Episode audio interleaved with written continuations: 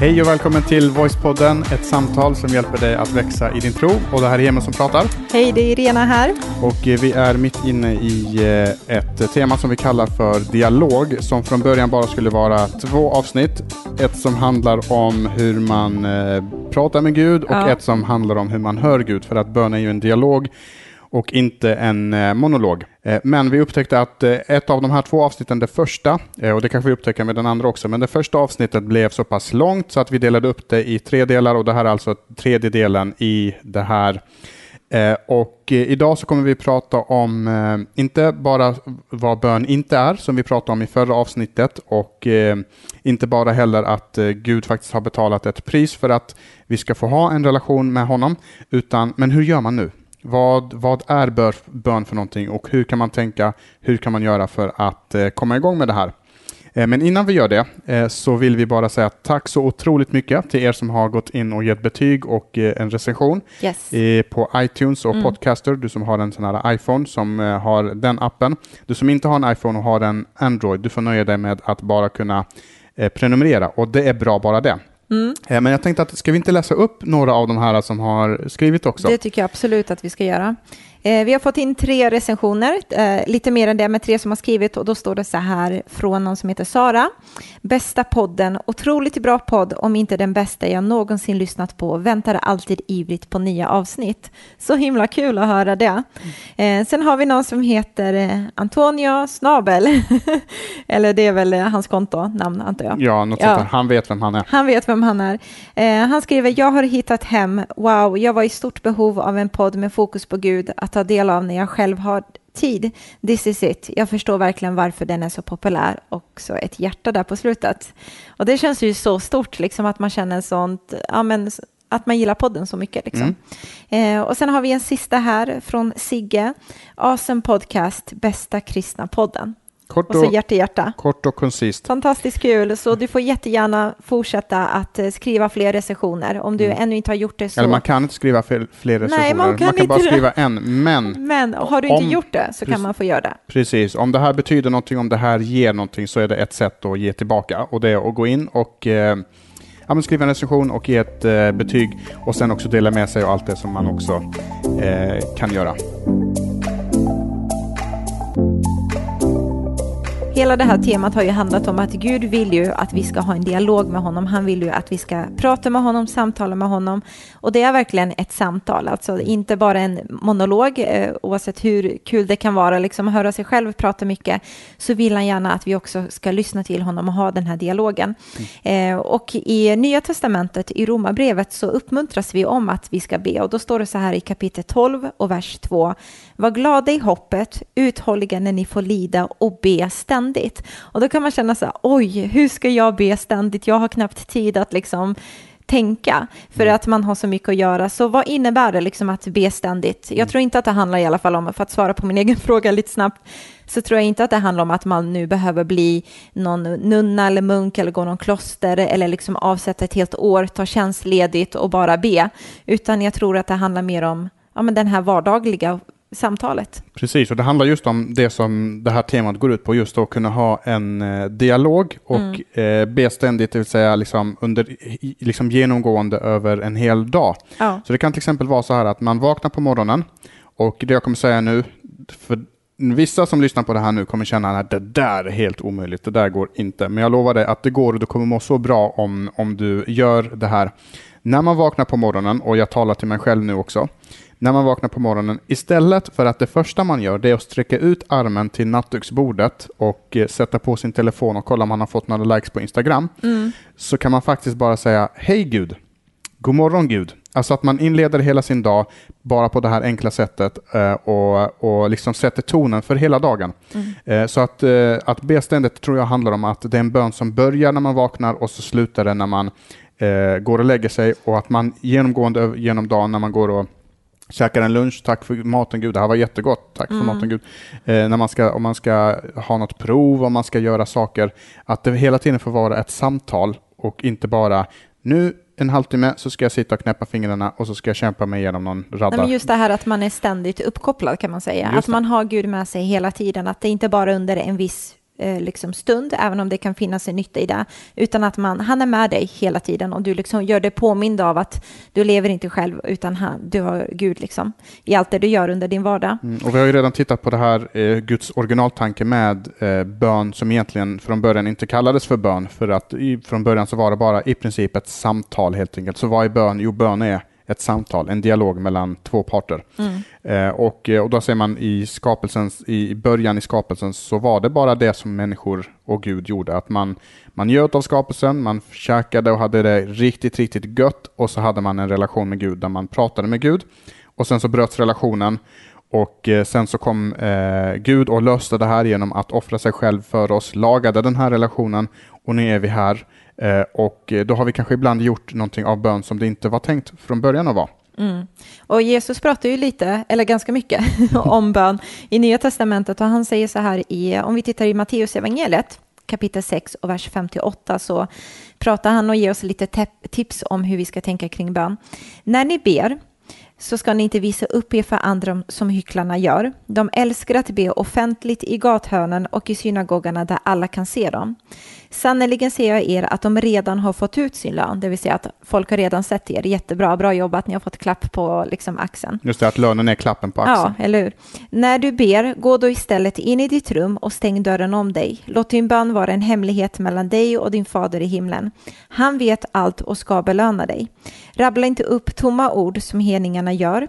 De tror att bönen har större chans att bli besvarade om de använder många ord. Var inte som dem, för er fader vet vad ni behöver innan ni ens ber honom om det. Mm. Och här så nämner Jesus lite olika saker som vi ska faktiskt eh, stanna till vid och prata kring. Mm. Och titeln är här som sagt att eh, vi ska ge fyra tips som hjälper dig som lyssnar att eh, komma igång med det här med bön. Och vi kommer koncentrera och fokusera alla de här tre eller fyra tipsen egentligen utifrån den texten som Precis. vi läste nyss. Mm, det ska vi göra. Vi börjar med den första. Eh, och det första som du kan skriva upp om du sitter vid bussen och har din liksom, telefon eller bara komma ihåg det är att vara ärlig i dina böner. Och det är någonting som Jesus också uppmuntrar dig för han säger så här i vers 6 så står det så här, han vet allt och ska belöna dig. Det vill säga att Gud vet redan allt om dig och han kommer att liksom eh, ge dig det ditt hjärta begär och han vet vad du längtar efter och han vet vad som är gott för dig. Mm. Så prata med Gud om det du faktiskt känner här och nu, inte om det du tror, att han vill höra om du, du tror kommer imponera på honom. Utan eller faktiskt, imponera på andra som finns med i samma ja, rum kanske. Exakt, utan liksom Gud vill att du ska bara berätta vad som finns på ditt hjärta. Och ibland kan det vara sådana saker som man tror att så här kan jag väl inte säga. Att man tänker en tanke men det här kan jag väl inte tänka. Liksom, men Gud, jag undrar om du ens hör mig. Mm. Eller Gud, nu är jag Eh, nu, nu, är jag faktiskt arg på dig. Mm. Om man nu tror att man har rätt att vara det och, och så, så. Men om det är så man känner, då är det det man ska säga till Gud. Eller om man är glad, om man mm. är lycklig, om man är deprimerad, om man är... Eh, liksom, hur man än känner så vill Gud höra precis hur vi hur vi känner just Absolut. för att men han vet ju redan det. Det finns ingen anledning för mig att komma och säga en sak och Gud vet någonting annat. Mm, ja, men så är det. Och han vet, precis som du säger, han vet hur vårt hjärta är. Och det finns en kille i Bibeln som heter David som verkligen var ett, han satte, ett, han satte ribban ganska högt med hur, hur det är okej okay att verkligen berätta vad man känner och tycker i olika situationer, säsonger i livet. Och jag tror att Gud är ute efter att ha den här ärligheten i er relation. Och mm. David var en kille som verkligen, han hade liksom segrar och bara livet var riktigt nice och han var stor i sina ord över hur bra allt var. Men sen hade han riktigt djupa dalar där han undrade, Gud, var är du någonstans? Mm. Alla är efter mig, ingen förstår sig på mig, jag går igenom liksom dödsskuggans dal, du vet, och bara berättar vad han verkligen känner. Mm. Och Gud klarar det. Mm. Han kan hantera det och han vill verkligen att vi ska kunna få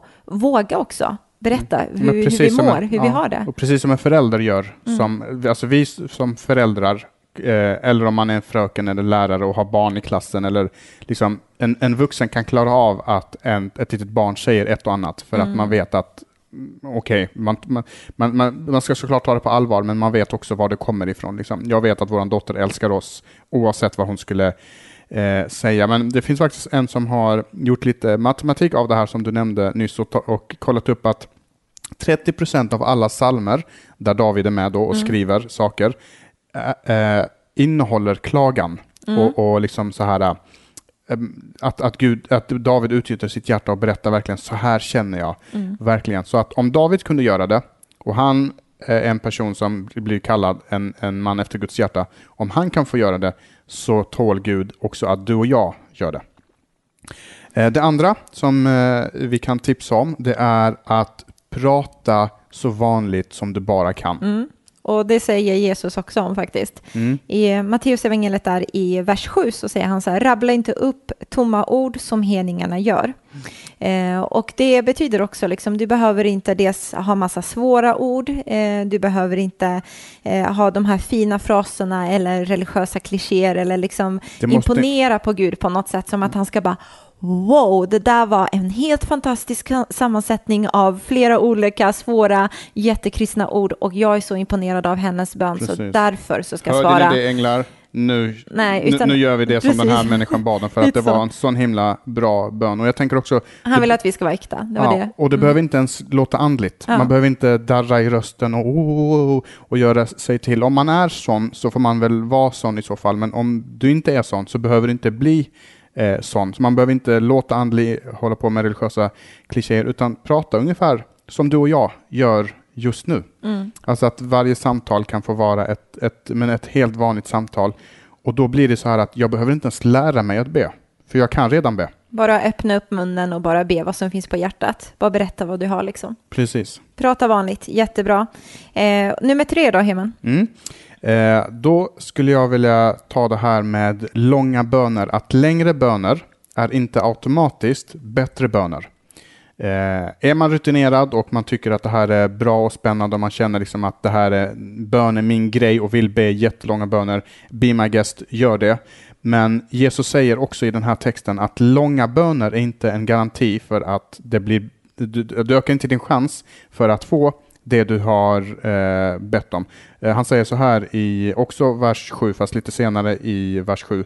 Eh, de tror att bönen har större chans att bli besvarad om de använder många ord. Just det. Eh, så om, eh, om, eh, om, om det är någonting jag säger att någon har blivit sjuk och så ligger de på operationsbordet och så ska de Liksom, den personen ska opereras och det måste vara liksom en hemsk situation att vara i och det är jobbigt och det är tungt då måste inte jag känna att jag behöver komma inför Gud och i 20 minuter eh, ge en lektion i hur den, liksom, människans anatomi funkar och Nej. hur alltihopa det här funkar och citera, liksom, eh, citera massa olika grejer och, och, alla de här sakerna. Utan man kan bara säga, Gud, det här är en jobbig situation just nu. Mm. Gud, hjälp läkarna att göra ett bra jobb. Gud, hjälp eh, den här personen att bli frisk.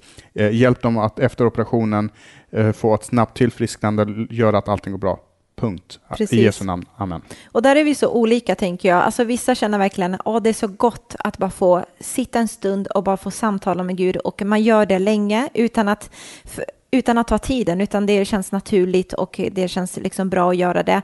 Men det är inte om du ber korta böner eller långa böner som avgör om Gud svarar det. Han svarar inte på längden på våra böner, Nej. utan han svarar för att han är god och mm. kärleksfull far. Det. Så det är därför liksom Gud eh, är med på det sättet. Men sen så tänker jag så här, och sen så kan det också skrämma upp när man är i en större grupp och man kanske ska be tillsammans så kan det också skrämma människor som kanske inte är så vana med att be överhuvudtaget och kanske vill sätta igång och börja be. Du vet, man har ju själv varit en sån person eller så har man kanske hört någon som börjar be och så bara sätter de igång med världens långa bön och det är bibelordcitat och det är förklaringar på de här bibelordcitaten och det är liksom du vet om man bara känner så här wow om jag var Gud jag skulle ha det på min högra sida mm. man blir så imponerad mm. och sen kommer man till någon annan liksom stackare som bara kanske aldrig har vågat uttrycka och säga någonting till Gud och man bara känner så här, nej men jag passar, du vet, mm. jag, nej men jag passar den här gången.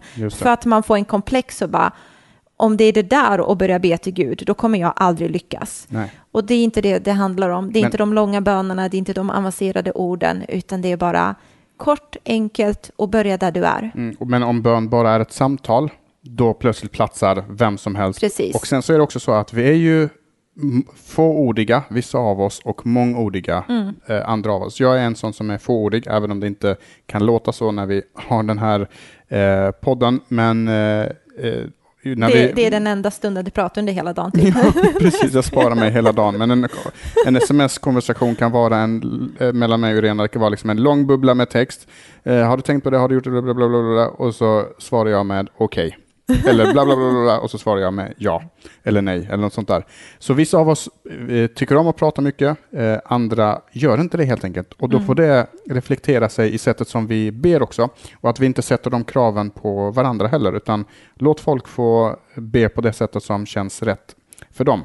Så det var punkt nummer tre. Punkt nummer fyra eh, handlar om att vi faktiskt kan prata med Gud om det som intresserar oss. Mm. Alltså prata med Gud om det som ligger på ditt hjärta och det som intresserar dig det du vill prata om. Mm, det är jättebra, för han, alltså Gud älskar ju oss. Det är mm. liksom grundstommen som vi står på. Och den man älskar är man också intresserad av, av, av att höra liksom hur, vad, är det, vad är dina intressen, hur mår du, hur har du det? Och det kan vi ju titta på vårt eget liv, du och jag, när vi fick vår dotter. Det är först efter att vi har fått henne och vi ser att hon är intresserad av till exempel Bamse. Det är då vi börjar ha intresse för Bamse. Vi hade ju inte honom i, i tanken överhuvudtaget och var inte ens intresserade av alla dessa serier och Paw Patrol och alla liksom de Dino Trucks och allt vad det är liksom. Mm. Men nu när man ser att hon är intresserad och hon är i den världen och hon känner passion kring det, så klart att vi också är intresserade för att vi älskar henne. Precis, eller om du är intresserad av någonting så, kan jag, så blir jag också intresserad av det, även mm. om jag i mig själv eh, inte skulle vara intresserad av det. Mm. Så därför så, när vi kommer till Gud så behöver vi, och jag tror du nämnde det eh, du också, att att när vi kommer till Gud så behöver vi inte prata om det vi tror att han vill höra, Nej. utan vi kan prata om det som ligger på vårt hjärta. Mm och det som vi är intresserade av. Mm. Eh, för att det är också så att de intressen som vi ens har, det är sådana intressen som Gud har gett oss. Ja, jag eh, Gud har gett oss de intressena och eh, som om, om jag till exempel om fem år plötsligt kommer eh, bli intresserad av golf. Mm. Vilket, det vore ett mirakel i sig, men... Ja, om det skulle ske så vet Gud om det redan nu därför att han har lagt det intresset i mig och Gud vet också att jag kommer stöta på vissa saker i framtiden som jag kommer testa på som jag inte kommer gilla. Mm. Eh, så Gud vill höra om mina intressen där jag går igenom eh, genom dagen om jag sitter och eh, meckar med bilar så kan jag prata med Gud om det om jag sitter och eh, mm. gör någonting annat. Det, det, där tycker jag är så bra just att Gud gav oss våra intressen som du sa. För att ibland så kan man ju titta på vissa av sina intressen och tänka så här, ah, men de är ju inte så jätteandliga eller de hamnar inte i den kategorin. Mm. Ska jag prata med Gud om det här liksom? Ska jag prata med honom om att åka longboard eller ska jag prata med honom om att fota eller fiska eller vad det nu kan vara för något eller träning? Eh, men att han har gett mig den här passionen, han har, han har skapat mig och inte bara de andliga bitarna hos mig utan hela mig har han skapat. Hela mig älskar han, hela mig vill han ska liksom ha ett samtal med honom på något sätt. Och då kan vi känna oss fria i att våga prata om det. Jag vill bara slänga in en sista grej. Det har inte med de här fyra tipsen att göra, men om det är någon som lyssnar på det här som tänker att eh, det här måste ni nämna för att man är bevandrad och man är insatt i det här, mm. eh, så nämner vi det för att det är faktiskt en viktig bit, men eh, det gäller också att ta det på rätt sätt så att säga.